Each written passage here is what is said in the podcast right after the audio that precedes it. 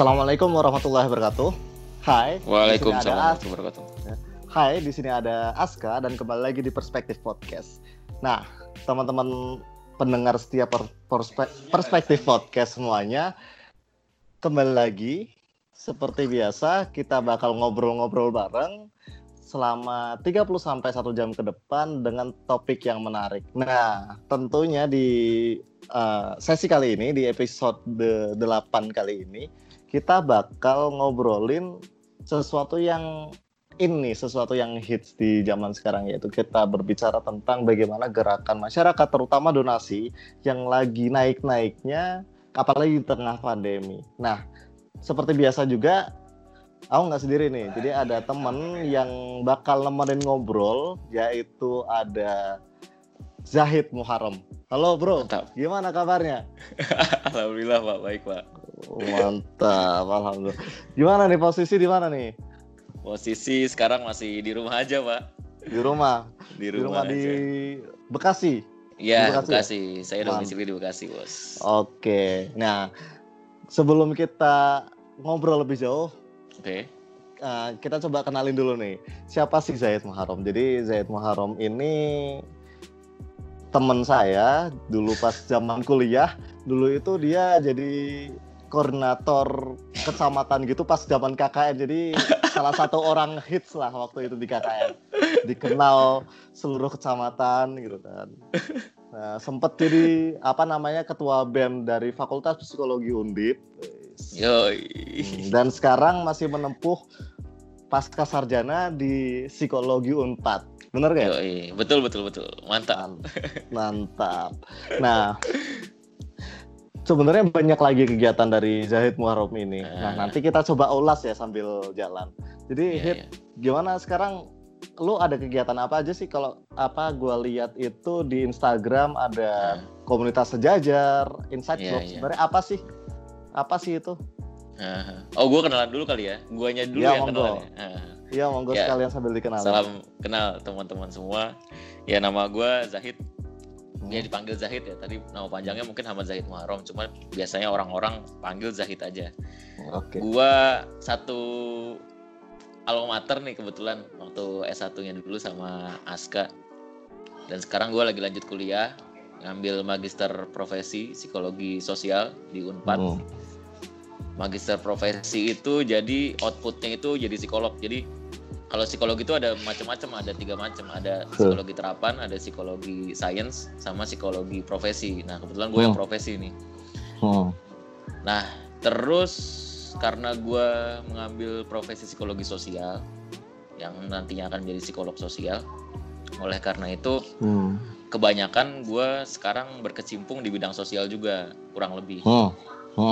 Nah, tadi mungkin yang disebutkan sama Aska juga salah satunya yang ingin gue buat juga ke depannya sebagai salah satu apa ya ikhtiar gue gitu dalam membangun kesadaran kesehatan mental di bidang sosial itu gue membuat salah satu namanya gerakan sejajar. Jadi beda. Jadi gerakan sejajar itu sebenarnya adalah bukan bukan ini sih pak bukan suatu hal yang besar banget cuman di hmm. situ kita mau ngasih semangat sedikit gitu buat setiap orang eh, menyadarkan setiap orang gitu bahwa semua orang itu punya kesempatan yang sama untuk berbagi ilmu pengetahuan dan menerima ilmu pengetahuan intinya sih gitu karena hmm. kurang lebih gue itu karena di sosial ya gue itu udah hmm. berkeliling ke beberapa beberapa daerah yang uh, ternyata tuh masya allah kasihannya gitu loh kalau menurut gue ya. ya. Jadi bergerak dari keresahan itu akhirnya gue mendirikan ini agar bisa menjaring orang-orang lebih banyak lagi e, bergerak di yang memang bidangnya tuh ada gitu seperti ini yang mungkin sekarang kan rata-rata mindsetnya orang lulus kuliah ya kerjanya di korporasi gitu. Yeah. Itu ada ada pekerjaan nih, pekerjaan sosial nih. Hmm. Itu yang mau gue kenalin gitu loh. Dan hmm. orang bisa jadi nggak cuma bekerja di korporasi untuk dapat uang tapi dengan bekerja di sosial juga bisa lu mendapatkan uang lu bisa juga mendapatkan manfaat gitu loh hmm. nah itu yang mau gua gua tekanin di gerakan sejajar nah dalam salah satunya itu ada namanya inside box itu ada acara acara pertamanya gitu kegiatan pertamanya dari gerakan ini untuk apa ya sharing pengalaman sharing eh, seputar isu-isu yang memang berbau psikologis dan lain sebagainya mungkin kita selama ini nggak aware Hmm. Sampai bisa jadi aware jadi insight baru buat kita sama-sama nah sistemnya tuh kenapa insight box karena kita mikirnya tuh insight box kayak kotak amal gitu pak jadi insight Hmm. itu bukan dari gua doang tapi dari lu juga dari orang yang nggak kita sangka jadi sistemnya tuh ya kayak kita naro habis itu kita nerima kita naro kita nerima nah seperti itu Hmm. yang mungkin itu dulu Ya. kenalan dari gua Ya. Tapi menarik sih menarik. Ah, beberapa kali emang gue juga dengerin kan dari Inside Box bahwa ah, ya ternyata banyak banyak sudut pandang gitu loh untuk melihat sesuatu hal. Entah entah dari apa namanya suatu isu yang semacam sekarang ini ada pandemi dan segala macamnya atau bahkan sampai pekerjaan kan.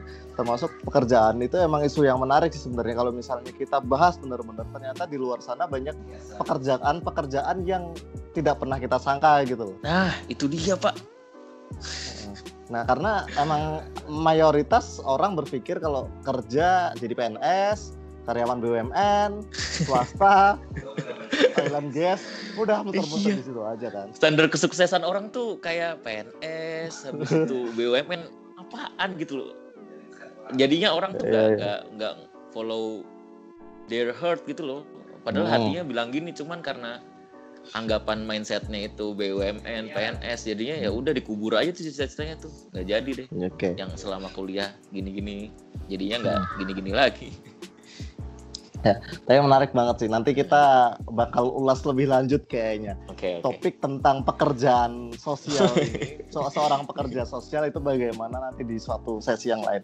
Nah, Iya. tapi di sesi yang kali ini gue pengen bahas tentang ini sih Hit.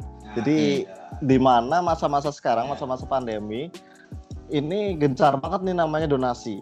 Entah Hmm, baik hmm, donasi masker, donasi eh, uang, donasi barang, at- hmm. atau ada yang sampai lelang barang kesayangannya buat apa namanya berdonasi dan segala macamnya. Banyak banget orang-orang yang dulunya nggak kepikiran buat donasi, akhirnya bisa donasi. Akhirnya Hmm. mereka tergerak untuk donasi sih. Hmm. Itu itu fenomena yang menarik banget sih menurut gua dan Hmm. bahkan Indonesia dinyatakan sebagai negara paling dermawan ya di dunia ya kalau nggak salah ya. bisa bisa Iya nggak sih?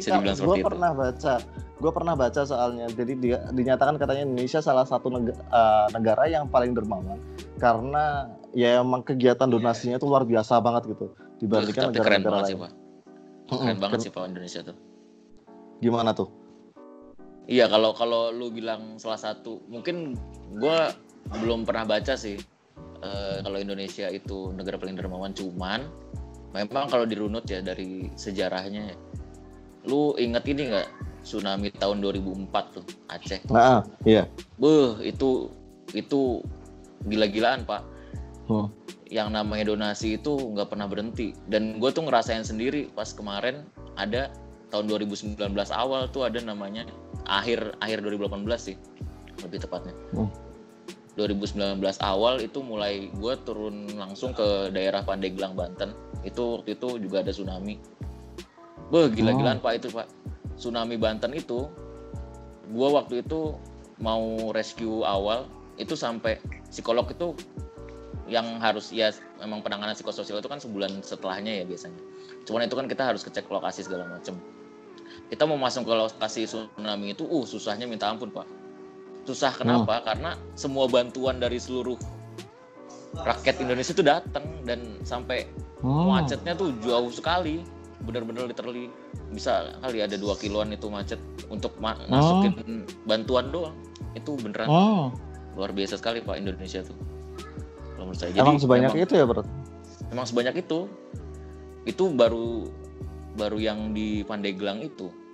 Nah sekarang ada musibah yang lebih besar nih, Hmm. yang karena pandemi ini, yang memang ternyata secara naluriah, ya emang secara naluriah sih sebenarnya manusia itu kan punya satu hal di dalam dirinya itu, di mana dia itu punya keinginan untuk berbagi kepada orang lain. Itu itu pasti Ya. ada tuh setiap manusia lahir Hmm.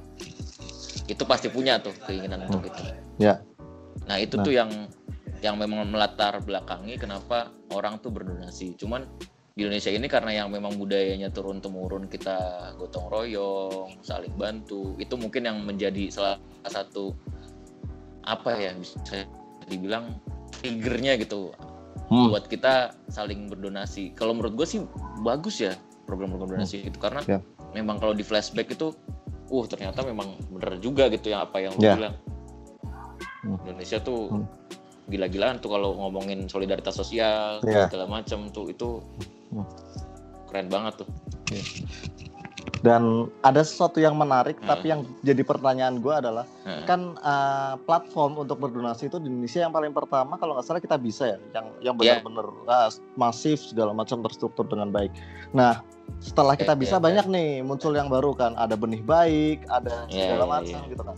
Dan ternyata yeah, yeah. Berdonasi itu jadi tren kalau kalau gue lihat hmm. sekarang dan hmm. mungkin bahkan mungkin di sebagian orang uh, berpikir bahwa kalau lu nggak donasi lu nggak keren gitu mungkin ya bisa jadi ya hmm.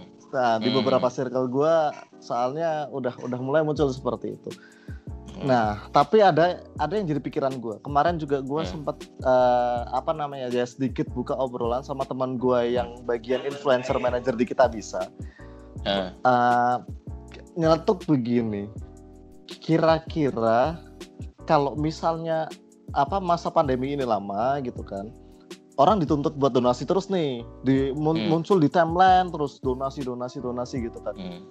ada mungkin gak sih ada satu titik jenuh bahwa orang ah udahlah nggak usah donasi lagi hmm. oh iya iya iya apa sebenarnya gini pak kalau menurut gue ini gue pakai kajian psikologis mungkin ya. Iya. Yeah. Lu lu tahu ini nggak altruism altruism tau nggak? Gimana tuh? Dijelasin oh, aja sekalian. tahu ya? Ya, ya, ya Iya, biar jelasin sekalian lah ke masyarakat awam. jadi jadi ini yang yang mungkin sedang gue pelajari ya beberapa pekan ini kebetulan juga minggu kemarin tuh gue diminta ngebantu salah satu yayasan kemanusiaan yang dia bergerak tuh di di kabupaten namanya Grobogan, Jawa Tengah. Hmm, yeah. Jadi mau menyegarkan lagi lah intinya, biar mereka tuh tergerak lagi secara kemanusiaannya. Hmm, yeah. Nah di hari itu gue menyampaikan kalau sebenarnya tuh ada yang namanya altruism, ada juga yang namanya filantropi. Oh. Nah bedanya apa gitu? Sebenarnya filantropi kan kadang kita mikirnya ya kayak orang-orang kayak Jack Ma habis itu Bill Gates gitu. yeah. gitu gitu kan filantropi. Sebenarnya filantropi itu kalau secara harfiah ya filan itu artinya kan cinta ya kalau nggak salah ya. Uh -uh. habis itu antropos kan itu manusia kan berarti filantropi itu artinya mencintai sama manusia. Sebenarnya seperti itu gitu secara harfiahnya jadi nggak mesti seorang Bill Gates atau seorang Jack Ma gitu yang dia itu filantropi tapi setiap manusia di muka bumi ini bisa jadi filantropi begitu. Hmm. nah terus altruism itu apa? Nah bedanya dengan altruism altruism itu adalah ketika seseorang dia ingin membantu orang lain tanpa merasa dirinya itu e, terbebani atas bantuan itu. Jadi bedanya filantropi sama altruism altruism itu tanpa sadar yang kita berikan itu eh kita memberikan sesuatu itu tanpa melihat kalau kita itu juga punya kekurangan. Istilahnya apa ya ya walaupun kita punya kekurangan nih kita tetap berusaha untuk membantu. Nah beberapa orang yang filantropi itu belum tentu dia punya altruism. Oh. punya altruism. Kenapa bisa dibilang kayak gitu? Karena filantropi itu kan intinya adalah mencintai sama manusia ya jadi bisa jadi karena memang dia punya kelebihan harta kemudian dia punya kelebihan ilmu segala macam ya kelebihan kelebihan lainnya lah akhirnya dia oh. tergerak untuk bisa eh, apa namanya membantu orang lain yang memang hidupnya lebih kurang dari dia nah tapi uh -huh. kalau di altruism itu altruism itu kan kalau misalnya dirunut dia filosofinya dibuat oleh Auguste Comte ya. Jadi dia itu lebih merhatikan orang lain tanpa hmm. kemudian dia mempentingkan dirinya sendiri. Jadi di balik altruism itu itu tidak peduli dia itu susah atau dia sedang sedih dia tetap akan membantu orang lain itu memang memang hasrat dari dalam dirinya gitu makanya di hmm. dalam altruism itu ada yang namanya golden rules gitu. Golden rulesnya itu hmm. lakukan sesuatu pada orang lain apa yang kamu ingin lakukan kepada orang lain gimana ya, oh, ya iya ya ya golden rules pokoknya hmm. kalau lu mau orang lain itu ngelakuin itu kepada lu ya lu lakuin itu gitu kalau lu nggak oh. mau laku orang lain berlaku itu pada lu ya lu jangan lakuin itu itu kan prinsip utama oh. itu golden rulesnya kan kayak gitu nah berangkat yeah, dari yeah. situ ya. habis itu ada tuh salah satu psikolog namanya Eric Fromm mungkin pas oh. mungkin bisa dicari-cari ya namanya Eric Fromm dia tuh bikin buku namanya uh, coba gue ingat-ingat Wah bukunya itu namanya The Art of Loving The Art jadi, of Loving ya jadi dia ngasih contoh itu tanaman pak. Oh. Jadi kalau cinta yang altruistik itu orang yang al cintanya itu pakai altruism atau altruistik, dia itu akan aktif bukan pasif. Aktif itu dalam artian misalnya contoh, oh. lu punya tanaman. Kalau kita benar-benar cinta nih sama tanaman ini nih, itu nggak bisa kita cuman sayang aja sama dia, tapi harus kita siramin. Habis oh. itu tuh kita rawat kalau misalnya dia berbunga apa yang harus kita lakukan pada bunganya ketika dia berbuah kita metik buahnya dengan cara yang bagaimana agar si tangkainya tidak rusak dan lain sebagainya nah itu tuh yang yang dia tulis tuh cuman intinya adalah kalau nggak salah ya ada empat unsur tuh bahwa di dalam altruism itu itu ada kepedulian ada caring kemudian ada responsibility, ada respect, hmm. dan ada knowledge. Jadi aspek-aspek itu yang akhirnya membuat orang tuh punya altruism. Makanya bisa dibilang hmm. orang yang filantropi itu belum tentu dia altruism karena bisa jadi ya karena dia cinta aja gitu. Dan kebetulan hmm. dia juga punya uangnya, dia punya kelebihannya. Jadi atau mungkin kalau misalnya kan kita nggak ada yang tahu ya eh, kadang kan banyak juga tuh pejabat-pejabat yang memang dia kelihatan donasi di mana-mana sana sini. Iya. Hmm. Tapi ternyata di balik itu ada tindakan cuci uang segala macam. Iya. Yeah. Nah itu itu bisa jadi dia termasuk filantropis yang tidak altruism bisa jadi ya. Hmm. Tapi kan kita iya. nggak yeah. bisa ngejudge orang itu apa-apa apa ya tergantung orangnya gitu. Cuman kenapa gue bisa menyampaikan uh, filantropis itu tidak mesti altruism karena dasarnya seperti itu gitu. Karena bisa jadi berbeda antara yang dilakukan dengan yang ada di hatinya dia. Hmm. tapi tapi orang yang altruistik itu itu biasanya dia mendukung filantropism filantropis. Hmm. itu karena memang altruistik itu kan suka membantu orang ya. Jadi ketika ada perilaku seperti itu ya orang ini pasti akan lebih mendukung gitu. Nah terus yang membedakan terakhir itu orang altruistik itu dia lebih lebih cenderung uh, mudah untuk membantu orang dibandingkan filantropisme karena kalau filantropis itu biasanya ada tuh yang diukur tuh kayak untung rugi kemudian oh. ini bagus nggak buat reputasi gue dan lain sebagainya nah itu itu masih dalam tahap filantropisme tapi belum sampai altruism oh iya, gitu iya. Berarti kalau uh, kalau volunteer uh, altruism itu berarti dia lebih tulus gitu ya? Ya itu level itu di atasnya itu ya? Iya iya iya ya. itu gitu banget itu.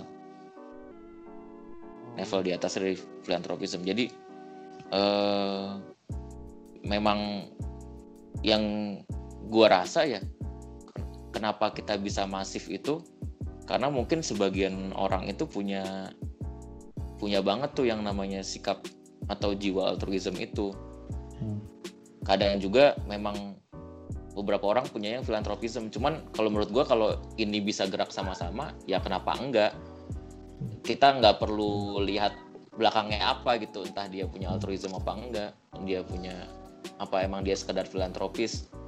Yang jelas kalau tujuan untuk membantu ya bagus. Cuman kalau misalnya ditanya tadi kan lu tadi nanya tuh kira-kira orang oh. bakal jenuh nggak nih? Kayak gini terus membantu membantu terus pasti ada batasnya juga kan. Kalau menurut gue itu kembali ke seberapa banyak orang mendapatkan manfaat dari memberi itu. Nah ini juga yang gue sampai nih. Ada pertanyaan menarik pak waktu itu pak. Pas Nah, gimana? seminar itu. Apa sih manfaatnya kita tuh eh, membantu orang?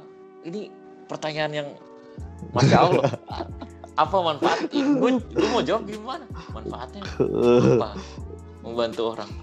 Ya masa ini ini kan kayak pelajaran ya di SD mungkin kita udah SMP udah. Ya. cuman kayak gue juga bingung waktu itu mau jawab apa.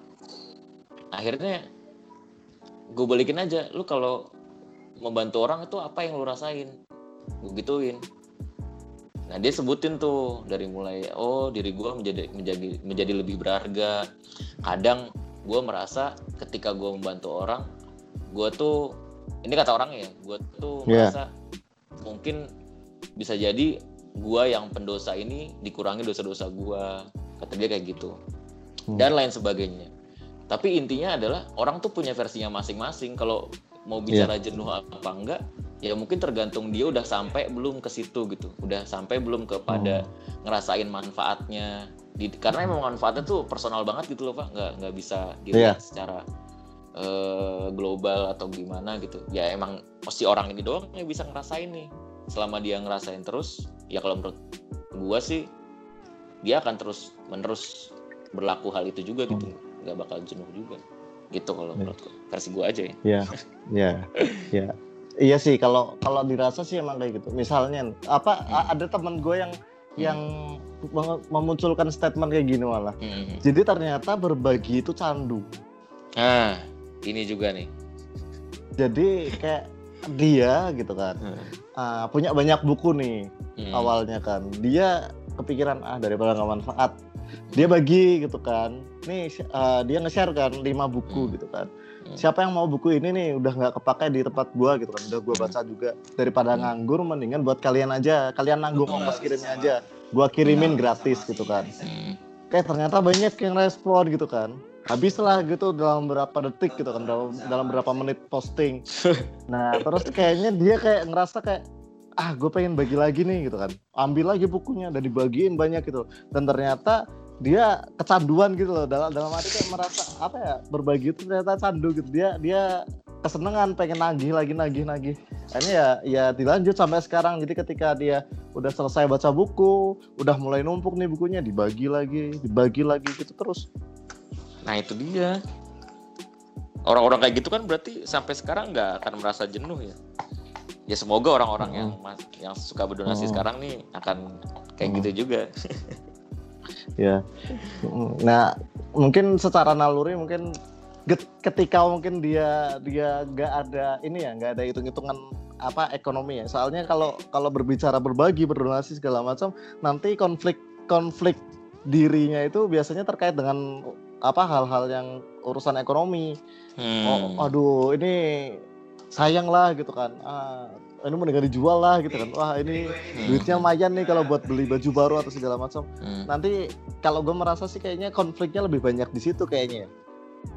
ya itu sih tergantung tergantung Orang orangnya ya, lagi ya ada orang yang udah selesai pak orang yang udah Iya. selesai maksud gue ya emang Hmm. dia udah nggak mikir sampai situ walaupun ya tadi yang gue bilang orang altruism itu biasanya dia orang yang udah selesai gitu loh jadi Iya. udah nggak nggak mikir lagi tuh gue rugi Iya. gue susah ya kalau misalnya gue bisa bantu gue bantu pasti Mm-mm. itu sedikit apa pun Iya. nah nggak mesti lewat materi gitu karena orang Hmm. altruism tuh pasti dia mikir terus nih sikap kritisnya jalan tuh jadi ngebantu tuh bukan bukan perihal yang gue punya dalam bentuk materi tapi otak bisa Mm-mm. otak tuh bukan ngasih otak Iya.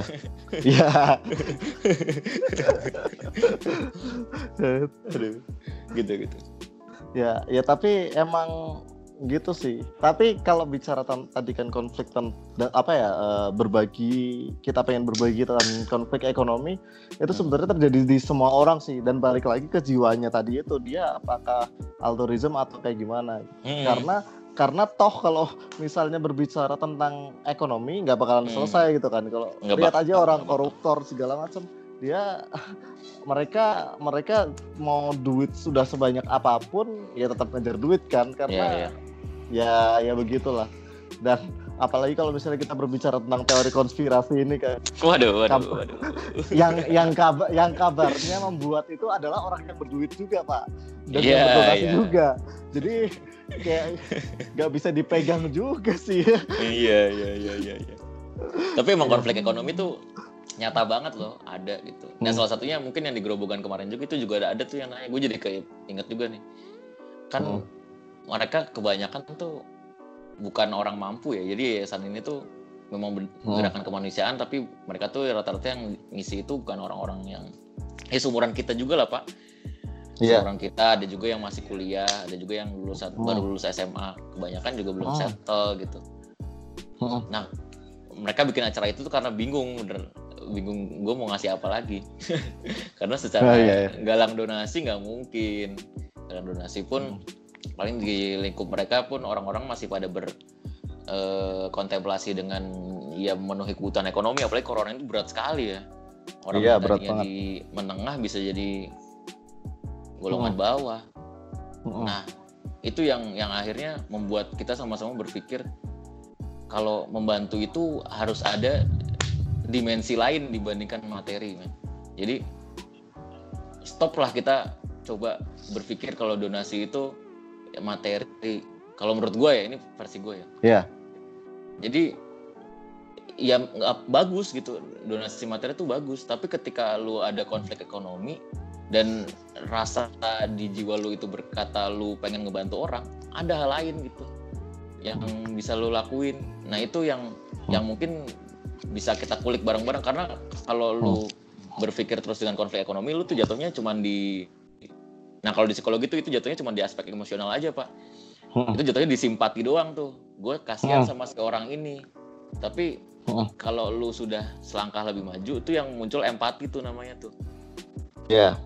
Nah, udah masuk ke empati tuh baru tuh orang bisa tuh berpikir jernih tuh. Jadi nggak ngandelin aspek emosional aja, nggak kasihan doang, tapi juga Ya, mikirin ya. gitu. Itu Hmm. yang yang menurut gua bagus tuh kalau misalnya orang-orang Hmm. mau pakai perspektif itu. Wah, Ya. sesuai podcastnya perspektif. Asik. Yo, Nah, itu sih emang emang yang menarik kayak gitu karena kalau bicara tentang ini kan bantu, saling bantu membantu, empati Hmm. segala macam. eh, misalnya artis gitu kan, kemarin yang Hmm. sempat rame juga kan. Mereka bisa bantu duit gitu kan. Tapi Hmm. ternyata mereka ada dimensi lain yang eh, mereka bisa sediakan juga yaitu eh, hiburan agar teman-teman atau masyarakat yang di luar sana itu tetap di rumah dengan nyaman gitu kan. Mereka Hmm. bikin konser bersama Nah. atau apa yang virtual. Itu artinya kan kayak sebenarnya mereka bantu juga loh, tapi dengan cara yang lain. Iya, iya, iya, iya, iya. Itu cakep banget sih. Tapi mulai banyak juga tuh gara-gara itu tuh Hmm. yang gue tahu yang musisi jalanan tuh pada ikutan Iya. bikin Iya. wah itu keren banget sih itu gerakan yang Iya. bagus juga sih kalau menurut gue Iya. Ya, ya. Selagi itu positif sih nggak apa-apa sih diduplikasi Hmm. kalau menurut gua kan. Nah, gitu. Nah, terus bicara tentang donasi nih, kayak ada beberapa waktu yang lalu. Ini yang sempat viral juga. Ada Hmm. orang donasi, Hmm. prank. Kasihnya sampah, bos. Ad- aduh Iya. ngomong kasar tapi Gimana, tapi ini bos? direkord aduh